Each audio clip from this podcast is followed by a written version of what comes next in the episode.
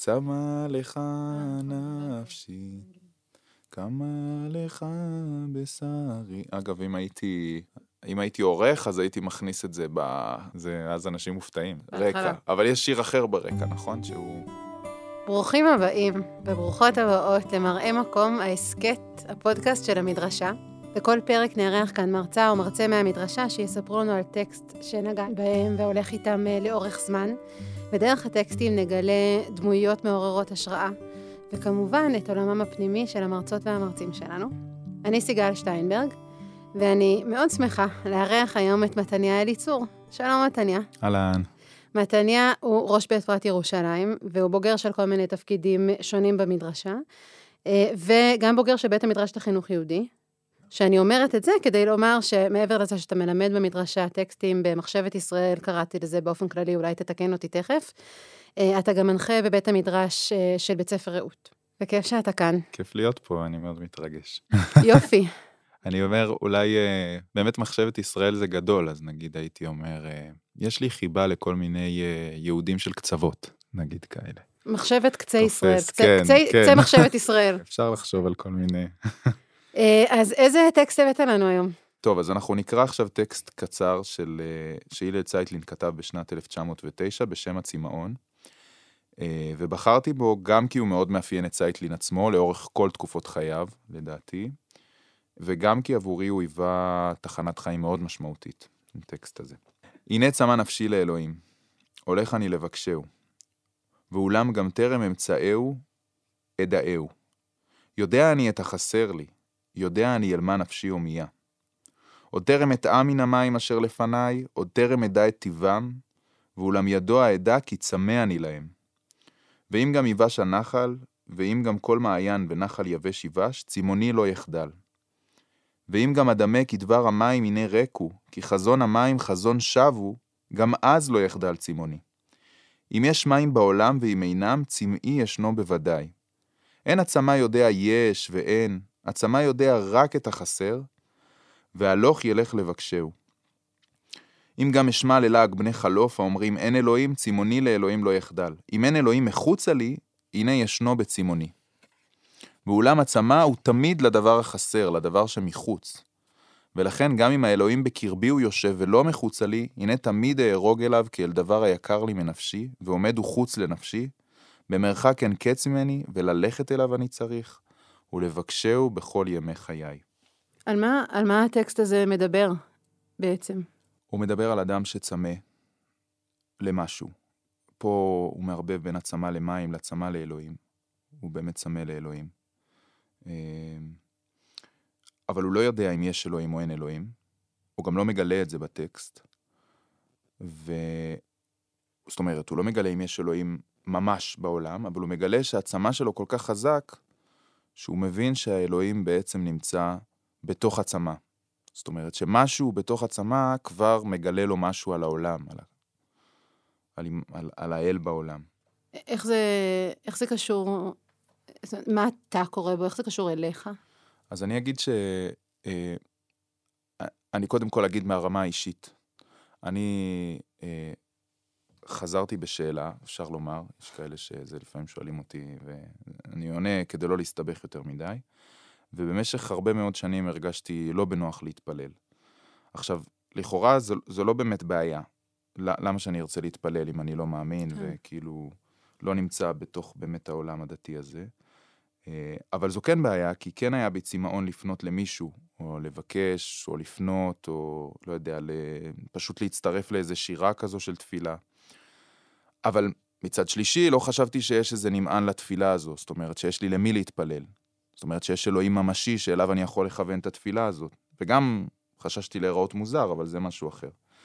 ובעצם ככה, כאילו מנעתי את עצמי באופן מאוד מאוד ברוטלי מלהתפלל, למרות שהיה בי איזשהו צמאון לעשות את זה.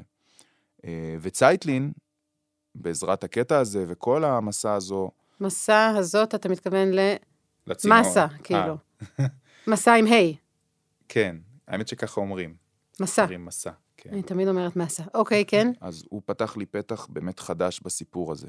כשה, כשכל הטקסט בעצם מתחיל בשאלה, מתחיל באיזשהו חיפוש, ונגמר ב, גם בסימן שאלה בחיפוש. בעצם, לאורך כל המסע הזה שהוא מחפש את אלוהים, ואנחנו קראנו טקסט אחד מתוך הקטע, כאילו הטקסט כולו, הוא מתחיל בשאלה ונגמר בסימן שאלה, והוא לא מוצא אותו, אבל הוא כן מגלה משהו. הוא מגלה שהוא מאוד מאוד מאוד צמא, הוא מגלה שהוא מאוד משתוקק, הוא מגלה שיש בו איזה אה, צמאון גדול.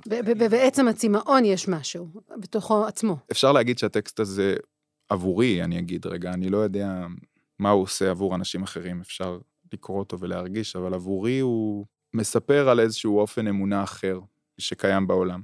צייטלין לא אומר שיש אלוהים באופן מובהק. אה, זה לא, זאת אומרת, לדעתי זה לא מה שהטקסט בא לומר. אחרת הוא לא היה מסתיים בסימן שאלה. וגם אם הוא היה בא לומר את זה, אז אין בזה שום דבר מעניין. כן. זאת אומרת, מה, מה זה מעניין אותי בתור אדם מודרני, שאני קורא טקסט שבו הוא מוכיח לי שאלוהים קיים, מתוך זה ש... שאני צמא לאלוהים. כן. שזה, זה לכאורה מה שהטקסט יכול להגיד. אנחנו יכולים להגיד, אה, אם אני צמא, אז זה אומר שאלוהים קיים. זה לא מעניין. אני חושב שהוא גם לא בא לומר שאין אלוהים, כי הוא כן מוצא אותו, הוא מוצא אותו בתוך הצמאון שלו. Uh, לדעתי הוא בא להציע קטגוריית אמונה חדשה, וזה מעניין הרבה יותר. והקטגוריה הזאת, אני, אני, אני בעזרת uh, דוקטור שרגא ברון, קורא לה מבקש אלוהים. אני אוהב מאוד את המושג הזה של בקשת אלוהים, את הקטגוריה הזו. היא נותנת לי באמת איזו אפשרות, כמו שאמרתי, אפשרות שלישית בעולם. אני מבקש אלוהים, אני לא, אני לא מאמין ולא לא מאמין, אני מבקש אלוהים. אבל, אבל לרוב האנשים אלוהים הוא די זר, אה, וזו בעיה שלדעתי מתחילה כבר במושג הילדות שבו מגדלים אותנו על אלוהים, אבל לא ניכנס לזה עכשיו. אז, אז, מה, אז מה בדרך כלל אנחנו עושים? אנחנו מתבגרים ואנחנו אומרים, טוב, מושג האלוהים הוא מושג כזה ארכאי וזה, אנחנו לא נשתמש בו, אז בואו נבקש את אלוהים בתוכנו. נבקש את אלוהים כזה בתוך איזה מקום אותנטי או עצמי כזה וזה. ופה צייטלין אומר לנו שהצמא נמצא בדבר שמחוץ. שזה לא מספיק לבקש אותו בתוכנו. שאם נבקש אותו בתוכנו, אנחנו נגיע למין דלת סגורה מהר מאוד, וזה פשוט לא מספק. כאילו לא נמצא בפנים את מה שאנחנו מחפשים. כי אם אנחנו צמאים, אז אוטומטית זה אומר, כאילו לוגית, זה ממש לוגית. אם אנחנו צמאים, זה אומר שזה פשוט לא מספיק מה שיש בתוכנו. ואנחנו חייבים לבקש את זה בחוץ. מבחינת צייטלין, זה אלוהים. זאת אומרת, אלוהים זה סמל למשהו שנמצא מחוצה לנו בהכרח, והוא לא נמצא בתוכנו. אה, הוא אינסופי, ואנחנו יצורים סופיים. וזה סתם, בעיניי זה, זה די מגניב, כי זאת אופוזיציה די רצינית לשיח, אה, נגיד, ניו אה, אייג'י כזה, או בכלל פה מאוד פופולרי, שנוטה להגיד הכל בפנים, הכל בתוכי, אני לא מושפע מהדברים האלה בחוץ ואיזה. אני אתן לו דוגמה קטנה, בסדר? זה כמו אכילה רגשית, בסדר? כאילו, למה צייטלין מדבר על צמאון בעצם? אה, אנחנו ניגשים לפתוח את המקרר, אנחנו פותחים את הדלת, ומה אנחנו בעצם מבקשים שם כשיש לנו את זה. לא, לא יודע אם אה, חבית, לא חבית, אבל... אבל... אה, אנחנו לא מחפשים את האוכל, אנחנו מחפשים חום, אהבה, רוגע, נחת, מנוחה, לא יודעת. בדיוק. כשאנחנו צמאים באמת, זה מה שאומר לנו, אז מה, אנחנו, מה שאנחנו באמת מחפשים זה התרחבות לאינסוף. ופה יש גם בכלל, לא רק על... אה, קודם כל זו הסתכלות מאוד אמפתית על אנשים שרוצים לאכול עוגה ב... עוגת שוקולד ב-12 בלילה, או שלוש. וזה בכלל הסתכלות אמפתית על בני אדם. זאת אומרת, אנחנו צמאים לכל מיני דברים שהם לאו לא דווקא או בהשגתנו, או שהם סבבה, או שהם בסדר. לא יודע, אנחנו חומדים ו- ומקנאים וכולי וכולי, ופה יש איזו הסתכלות עם עין מאוד טובה על העולם, שאומרת, הצמאון הזה, ביסוד שלו, הוא בקשת אלוהים. הוא בסך הכל הרצון המאוד מאוד אנושי של האדם להתרחב לאינסוף. וזה מקסים בעיניי. זה גם מקסים וזה גם לדעתי מאפשר איזה לגיטימציה לקטגוריה הזאת, שהיא קטגוריה בסוף של חיפוש, להיות קטגוריה של אמונה. קטגוריה שאנשים שבסוף נמצאים במציאות מאוד לא יציבה, והם דווקא אה, מבקשים איזה משהו מאוד מאוד גדול. והם, והם לאו דווקא מאמינים במובן המקובל בכלל, כן? כן, זה באמת, המושג אלוהים שאתה מדבר עליו הוא לא המושג המקובל, הוא, אלא הוא איזושהי, אה, החיבור לאינסוף, זה באמת, זה נשמע מצד אחד מושגים שקשורים ל... אה, כן, לכל מיני קדם, אה, קדם מודרניים כאלה כבר. אבל יחד עם זה, כאילו מושג אלוהים שהוא הטבע, שהוא רחב, שהוא הכל, שהוא... הוא מה שמחוץ לנו, הוא האחר האולטימטיבי, כל מיני מושגים כאלה, אבל יש, זה לא הוא עצמו שאנחנו אנחנו לא הולכים לאיזושהי נקודה, אנחנו נמצאים בדרך, או בחיפוש, או בצמאון. ושהחיפוש הזה הוא, הוא, הוא גם בבשר. צמה לך נפשי, קמה לך בשרי. זאת אומרת, החיפוש הזה הוא בכל מקום. בזה. הוא לא רק, זאת אומרת, אנחנו נוטים לראות אותו שייך לעולמות, ה, כמו שאמרתי, של תפילה או בית מדרש, אבל הוא, הגוף שלנו גם, זאת אומרת, באיזשהו מקום האכילה, זה האופן שבו הגוף שלנו מתפלל. זו הסתכלות אחרת על הקיום ועל העולם. ובכלל על האדם, כיש מבקש כזה, כיש uh, מצמא. אני אגיד משהו על, ה, על הקשר בין תפילה ל, לבקשה, uh, לצמאון. אה, בעברית שאלה זה גם בקשה. Mm. אחת שאלתי מאת השם אותה אבקש. זה גם קשור לאלוהים, שבטי בבית השם. ויש איזה קשר עמוק בין, התפילה היא איזשהו ביטוי הכי עמוק של הרצון, של איזה אה, תשוקות פנימיות, למה אנחנו מתפללים בדרך כלל? כי אנחנו מאוד משתוקקים למשהו. וצייטלין לוקח את זה למקום של צמאון פיזי. אבל זה נכון, זה, יש פה איזה כבר קשר בין אה, שאלה לבקשה. אמרת משהו נורא כן. יפה, אם, אם שאלה היא בקשה, לחזור בשאלה, אגב, המונח שהזכרת אותו קודם, זה נורא יפה, כאילו לחזור ב, בבקשה, זה לא שאלה שהיא, היא לא חסרה, אלא, אלא יש בה בקשה למשהו אחר. נכון, אני חושב שזה אחד הדברים גם באמת הכי יפים בצייטלין. הוא בעצם לוקח את הסיפור הזה שאתה, בדרך כלל, כאילו, יש הבדל בין אמונה דתית לבין אדם שהוא דווקא הפוך, שהוא ספקן, שהוא שואל, כן. שהוא בוחן דברים החוצה. אצל צייטלין זה ההפך, זה היינו הך. כי כשאתה שואל באמת, כשאתה מבקש באמת, אז אתה הכי משתוקק להגיע לדבר היסודי הזה, שהוא, או לעולם הרוח, כן? כן. שורש האמונה, אומר אה, רבי יהודה הלוי, שורש האמונה ושורש הכפירה אחד הוא.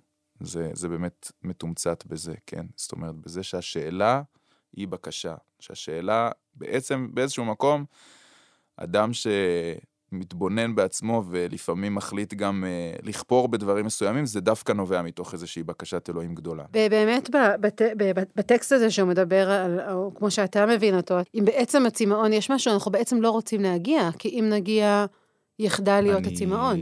זאת השאלה הכי גדולה. האם אפשר לחיות ממש מה... אני יכול אחרי זה להגיד כאילו איפה זה פגש אותי, אז האם זה לא איזו התאהבות כאילו בחיפוש? כן. אני חושב שצייטלין אולי זה גם הזדמנות לדבר עליו. הוא היה בן אדם שנמצא כל הזמן באיזשהו חיפוש. וכל הזמן באיזושהי תנועה. צייטלין היה עיתונאי, אה, מיסטיקן, הוגה דעות. אפשר להגיד שבעידן בו... איך אמרת את זה בקלות? עיתונאי, מיסטיקן, כאילו, כאילו זה דברים שכל הזמן מתחברים, כל נכון, העיתונאים הם מיסטיקאים. זה מה שיפה אצלו, שבעצם הדברים לא מתחברים, ועדיין הם מתחברים. כאילו, אני אגיד שבעידן בו ההשכלה היהודית הייתה רחוקה בעצם מהחסידות והקבלה, צייטלין מחזיק בתוכו איזושהי מורכבות. כן, למשל, הוא יודע שלפי המחקר הזוהר נכתב בידי אדם אי שם בימי הביניים, אבל ברור לו שהקבלה מביאה רעיונות שהם מבחינתו נובעים ישירות מן השכינה. או הוא למשל אה, מעריץ את הכופר הגדול שכאילו ממש קדם לו, את אה, ניטשה, כן, שקדם לדורו, שממש היה דמות עבור בני דורו, אבל ברור לו שבשורש הכפירה של ניטשה יש בקשת אלוהים אדירה. Mm-hmm. זאת אומרת שניטשה הוא מבקש האלוהים אה, הוא אומר, אה, מבקש אלוהים בארץ עד כדי, אה, עד כדי כפירה ממש, כן? הוא חבר של ברנר וחבר גם בחוגי מקובלים. הוא חסיד חב"ד, אבל מסתובב עם כל גדולי הציונות הח... החילונים דווקא. וגם בחיים שלו הוא עובר איזשהו מהפך כזה, כן? הוא מתחיל בבית חב"די, אבל הוא כאילו עובר איזשהו מהפך שבו הוא כופר. לכאורה, או לפחות מסתובב בחברה כזו, ואז הוא חוזר לקיים פרקטיקות דתיות. אנשים נוטים להציג אותו כ- כמי שעבר, כאילו, שבעצם חזר בתשובה.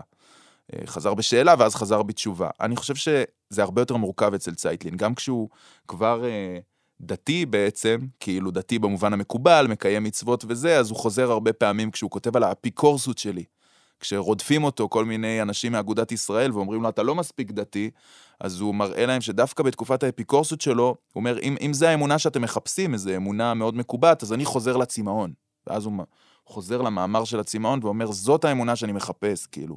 הצמאון, דווקא התשוקה הזאת שנובעת דווקא מתוך מקום של כפירה. היכולת בכלל, לא יודע, לקרוא דברי כפירה ועדיין לצפות לחזיונות מיסטית היא מאוד לא טריוויאלית. אגב, מכל הצדדים, גם ביאליק מבקר אותו על זה שהוא אה, אה, הוא רוצה להדפיס איזה ספר חזיונות מיסטיים שלו. Mm-hmm. אז איזה מין דבר זה? זה נורא מוזר פתאום, שזה מישהו שהוא כאילו משכיל רוצה לפרסם ספר חזיונות מיסטיים. הוא מתבונן על אה, הדמות של רבי נחמן כדמות מופת כזו, אבל הוא מסתכל עליו כדמות כזו קיומית, אקזיסטנציאליסט שמחפש כזה, וזה בתקופה, צריך להבין שזו תקופה שאף אחד לא ראה ברבי נחמן, אה, אף אחד בהשכלה לא ראה ברבי נחמן איזה דמות. היום הוא יותר פופולרי, אבל הרבה בזכות אנשים כמו הלל צייטלין. הוא באמת דמות לא רגילה, ובתוך המהפכים האלה שלו אפשר באמת לגלות הרבה. אה, והוא גם מאוד מתאים, פתאום מגלים, בואנה, זו דמות שכאילו קדמה לנו במאה שנה, ואנחנו מגלים שהרבה אנשים מוצאים את עצמם בתוך המורכבות הזו היום בעצם. זו נקודה מאוד מעניינת, המחשבה הזאת שמה שלא התאים אז, כי לא, לא הצליחו להבין אותו, ובגלל זה גם לא, אנחנו לא מכירים את השם הזה כל כך. ילד צייטלין לא מכירים את הטקסטים שלו כל כך, כי הם לא התאימו אז, והיום יש איזו פניות, או איזה מקום אחר שהשתנה משהו בדור, אה, שמאפשר לה, לנו לשמוע את החזיונות שלו ולא לחשוב שהם הזויים, אלא לחשוב שוואלה, יש כאן משהו להקשיב לו, יש פה צמאון, יש פה איזה קול שיכול להיות שהוא מענה עבורנו על, על משהו. לכאורה, היום בעידן שלנו זה כאילו לא הגיוני בכלל לרצות שיהיה כאילו, אוקיי, בסדר, למה, למה שלא נסתפק במה שיש פה? למה לנו לחפש את האלוהי? העולם עשיר, העולם רחב, יש בו מספיק דברים, למה לנו את... למה אדם הולך להתפלל? למה אדם לא מסתפק במה שיש לו? למה כאילו אתה מרגיש עדיין איזשהו חסר מסוים? למה זה לא, כאילו, למה, למה משהו לא מתמלא שם? למה גם אחרי ש... אני, יש לי כסף, וכאילו, לא אני, אבל לאנשים יש כסף.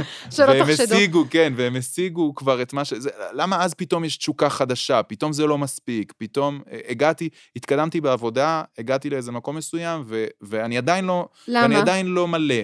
למה? הצייטלין אומר, כי יש לנו איזשהו, שביסוד הנשמה שלנו יש איזושהי תשוקה לאינסופי. כל הזמן, כאילו, שזה, שזה חלק ממה שמגדיר, אני אומר, זה הרבה מעבר לסיפור הדתי, זה חלק ממה שמגדיר את האנושיות שלנו. יש, זה, זה, אני שומעת את זה בשתי קולות. כשאחד מהם אומר, אה, איזה דיכאון, כאילו, לא, שאנחנו נועדנו להיות כן. אה, צמאים. הקול השני שאני שומעת, רוצה לשאול אותך, כשאתה קורא מים, לא צמאון, הצמאון דיברנו עליו, כשאתה קורא מים, מה אתה שומע? למה אתה מתכוון? אני חושב שפה אנחנו נוגעים במחוזות ש... שגם, שגם רבי נחמן וגם צייטלין לא ידעו כל כך לתת להם uh, שם. ובמובן הזה יש משהו כאילו גס להגיד, להגיד לך מה אני מתכוון. קראתי לא מזמן עם חבר'ה איזה טקסט מדהים של ליאונרד כהן, שבו הוא אומר, אה, חבר'ה, כשאנחנו מדברים על אלוהים, כולנו יודעים על מה אנחנו מתכוונים. תפסיקו לבלבל את המוח וכל מיני פילוסופיות וזה, תשאלו אותי, מה זה אלוהים, מה זה רוחני? אנחנו יודעים על מה אני מתכוון. מה אני מתכוון כשאני אומר מים? אתם יודעים. מה, לא יודע, בואו נחפש בעומק, בעומק, פנימה, כאילו, אה, שכל אחד יחפש את הצמא שלו וימצא למה הוא צמא. אני, אני חושב שזה זה הרבה יותר, זאת אומרת, את הפכפוך או את הרצון להגיע למים אתה מרגיש בפנים, הרבה יותר מהשם שאתה יודע לתת להם בחוץ. אני רוצה שתחבר לי רגע בין התפילה והבקשה והשאלה, ו... ואפילו גם הדוגמה שנתת, או המשל שנתת לגבי האכילה הרגשית, לחיים שלך רגע, איפה זה, איפה הדברים הגדולים האלה הם, הם שלך? אז אני, אני אנסה לחבר את זה גם ל, באופן מסוים, שאנשים גם כאילו אולי ישאלו את עצמם כזה איפה, איפה זה גם פוגש אותם בחיים שלהם. אה, באמת אולי דרך, ה, דרך החיים שלי. אה, אז דיברתי קודם באמת על הקטגוריה החדשה של אמונה, קטגוריה שלישית, של מבקשי אלוהים, ו, וזאת הייתה קטגוריה שהייתה ממש בגדר הצלה עבורי. אני בתור נער דתי הייתי נער שמחפש ודאות, ואחיזה כזו באיזה אמת מוחלטת, אה, ובגיל מסוים פשוט גיליתי שאין לי כזו. או שיש כזו ואני לא מצליח להגיע אליה בשום צורה. ומצד שני, גם כשלגמרי הייתי בעולם חסר ודאות, תמיד היה לי איזה רצון להתפלל, או... או להתקרב לאיזשהו עולם רוחני. מצד שלישי, הייתי מאוד ספקן ביחס לקיום של אלוהים, תמיד, של איזשהו אל. ואני חושב שהשילוב הזה בין איזה, לא יודע, רציונליזם כזה, לבין, אה, לבין איזה רצון דווקא ל, ל, לרוח בתוך החיים, זו מצוקה מאוד גדולה ש... שחו... שאני חושב שאני חווה אותה, חווה אותה גם ממש עד היום. אמ, באיזשהו מקום כמו אהבה נכזבת, כן? אתה כאילו רוצה את אלוהים קרוב, אבל אתה יודע שהוא לעולם לא יהיה שם.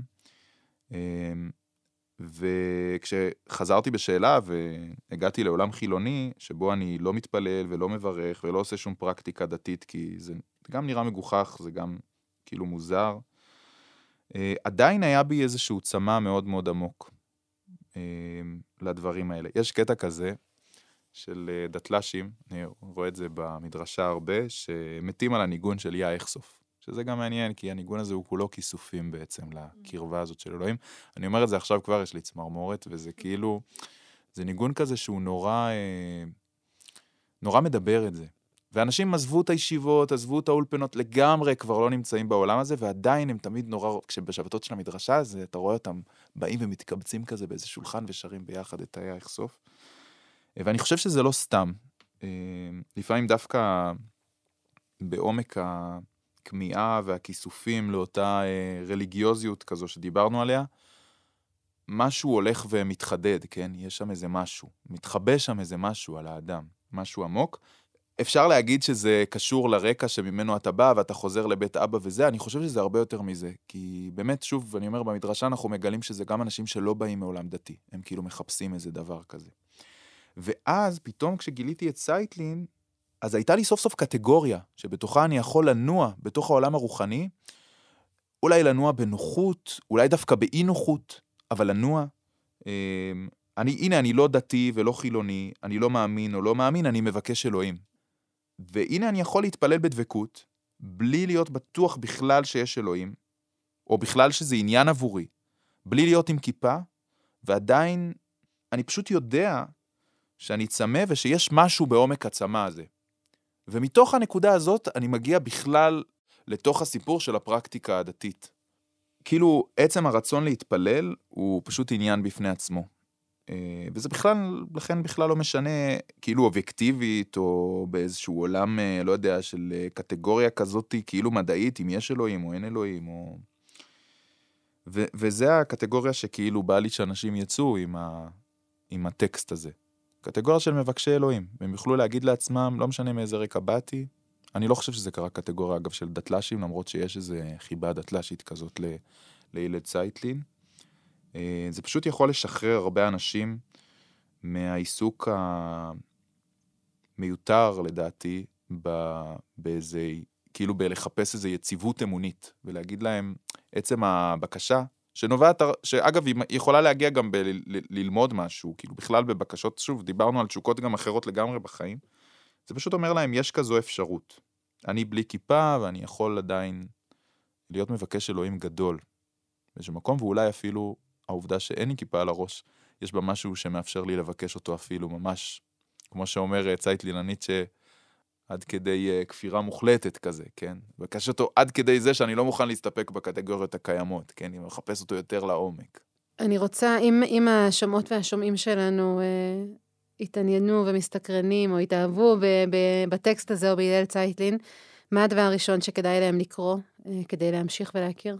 אז אה, אני אגיד שיש הוצאת ספרים נפלאה, ממש, שעושה עבודה יפהפייה, אה, של הוצאת אה, בלימה, שמוציאים גם, זאת אומרת, גם פרופסור מאיר שותף לדבר הזה, וגם יוסי שוויג ואבינועם סטילמן. יוסי הוא בוגר שלנו. וכן, אז בכלל, זה, הם עושים עבודה ממש יפה, חוץ מזה שהספרים יפים אסתטית, אז uh, מוציאים את כתבי צייטלין מחדש, ואני הייתי ממליץ להתחיל במסע יפהפייה שנקראת בחביון הנשמה. צייטלין, הוא, הוא כותב את זה בהשראת uh, ויליאם ג'יימס, שכתב את החוויה הדתית לסוגיה, וצייטלין אומר, ויליאם uh, ג'יימס כתב על החוויה הדתית, בעיקר הנוצרית, ואני חושב שצריכים לבוא אנשים שיכולים לעשות, לכתוב את המדע על דבר הדת מהכיוון היהודי. והם צריכים להיות אנשים זה דבר ממש יפהפה שהוא כותב, שאי אפשר שזה יהיו אנשים לגמרי בפנים, ואי אפשר שהם יהיו לגמרי בחוץ, הם לא יכולים להיות אדישים לזה, הם לא יכולים להיות גם אנשים שהם לגמרי בפנים, שכאילו הם ממש נשרפים מזה, אלא אלו צריכים להיות אנשים שהוא קורא לזה עוד גחלת לוחשת בערימת הדשן, כן? שכאילו יש להם איזה, יש להם עוד איזה משהו שיכול לאפשר להם אה, לדבר על הסיפור הדתי, לאפיין אותו, אבל גם, הם גם יש בהם קצת סקפטיות, כאילו, הם לא עד הסוף נסחפים סוג לגמרי. של תמימות כן. שנייה או משהו אז זה כזה. דבר, זה מאמר ממש יפה, שאפשר להתחיל לקרוא אותו, נקרא בחביון הנשמה. מתניה, אנחנו מתקרבים לסיום, ויש לנו פינה מיוחדת בסיום, שנקראת uh, סבב שאלות הברק. והרעיון שזה כמו ברק, זה מהיר. תשובות טובות, קצרות, מילה, שתיים, בשלוף כזה, זה אסוציאציות. האם אתה מוכן? אני ממש גרוע בזה, קדימה. אה, מעולה. המדרשה בשבילי היא. זה יהיה הכי קלישאתי לזה, אבל מקום נפלא לבקש בו את אלוהים. יואו, זה לא קלישאתי, זה נורא יפה. טוב, זה בדיוק על מה שדיברנו.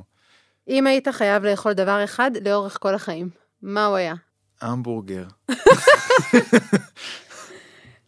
אה, הייתי נהיה דוב. לא יודע, אבל זה תמיד, תמיד בסוף צום אני, צמ, אני משתוקק להמבורגר. בטקסט תמיד אני טוב. חולם על המבורגר בצ- מעולה, בצומות. זה מצוין. בטקסט טוב צריך להיות וואי, קטונתי. אני חושב שתשוקה. אה, סדרה מומלצת לבינג', או סדרה טובה שראית לאחרונה. וואי, אני צריך להיזכר בשם שלה. אה, ליל האירוע.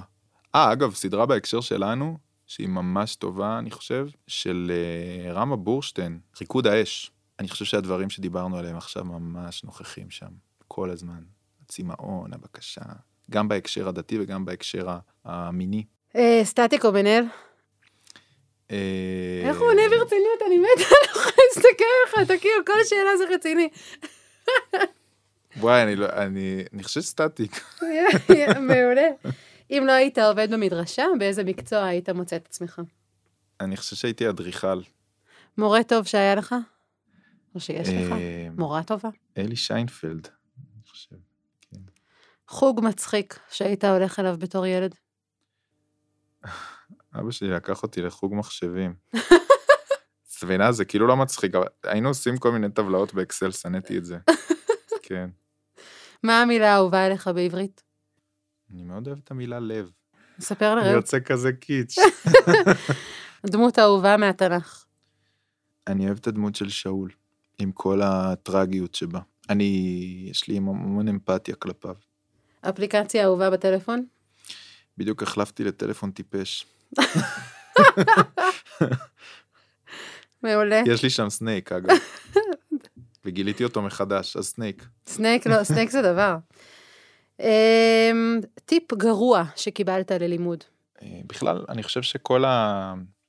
לא יודע אם זה טיפ, אבל כאילו, יש הרבה, לפעמים בלימוד אנחנו מרגישים שכאילו יש כל כך הרבה אנשים סביבנו שיודעים ש, שאנחנו לא יכולים, מרוב שיש כזה ידענים, אז קשה לנו לדבר, או אנחנו חושבים שכל דבר שנגיד הוא יהיה כזה, נוציא דברים מטופשים, אז לא, זה טוב, זה טוב, כאילו, זה בסדר.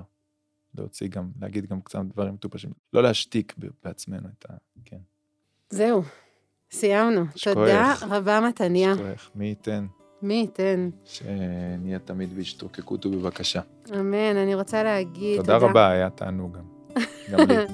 תודה רבה לאורי קדישאי וכל אנשי ההקלטה במזקקה.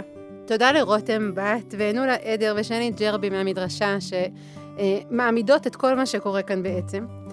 אה, כל מה שדיברנו עליו היום אה, יעלה בקישור לאתר המדרשה ובזירות הדיגיטליות שלנו, ותוכלו אה, גם למצוא שם את ההמלצות וגם את הטקסט עצמו מהפרק. אנחנו ממש מקווים שהרווחתם ושנהניתם מהפרק, ונשמח, כמו בכל דבר שאנחנו עושים, לשמוע מכם גם תגובות ושאלות, ואם יש לכם שאלות טובות לסבב הברק, תגידו לנו אותם, ואם בא לכם לספר קצת מה חשבתם ואיך הרגשתם מהפרק, נשמח מאוד לשמוע, ושיהיה לכם אחלה יום.